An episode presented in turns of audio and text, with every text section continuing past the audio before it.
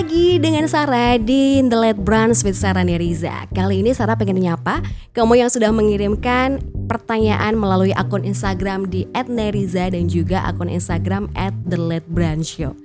Kali ini ada Aji Saputra di Semarang.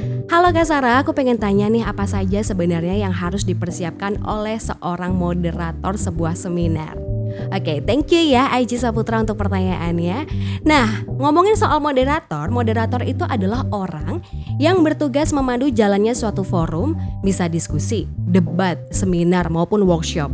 Bedanya sama MC, kalau MC itu harus memandu jalannya acara dari awal sampai dengan akhir.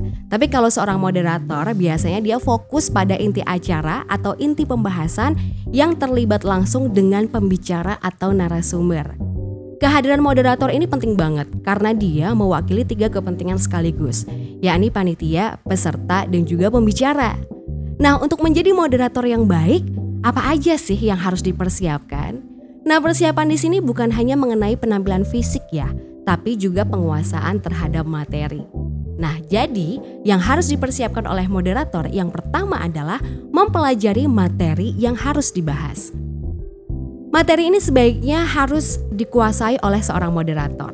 Nah, keberadaan moderator ini bukan sekedar memandu sesi tanya jawab. Ini biasanya yang sering salah kaprah. Karena moderator ini harus bisa memposisikan diri mewakili peserta.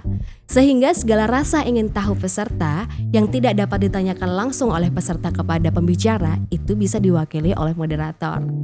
Yang kedua, moderator harus mengenali profil pembicara. Moderator ini penting banget melakukan riset mengenai profil pembicara yang dihadirkan dalam sebuah diskusi atau seminar. Minta deh ke panitia kurikulum dari pembicara, lalu kemudian moderator juga bisa menggali detail informasi mengenai profil pembicara melalui artikel di internet, buku, majalah, atau obrolan secara langsung dengan pembicara sebelum acara dimulai. Nah, yang ketiga adalah memilih busana yang tepat. Moderator sebaiknya mengenakan pakaian yang rapi dan enak dilihat. Tapi inget nih ya, jangan terlalu mencolok, apalagi sampai melebihi narasumber.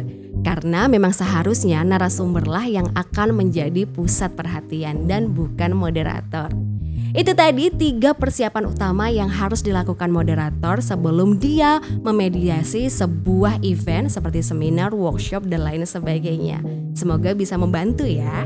Nah, buat kamu yang memiliki pertanyaan seputar dunia ilmu komunikasi dan juga public speaking, kamu bisa mengirimkan pertanyaanmu melalui akun Instagram @neriza atau akun Instagram @theletterbrandshow. Sampai ketemu ya di The Let Brands bersama Neriza selanjutnya. Bye bye. The Let Brands with Sarah Neriza supported by www.speaking.id.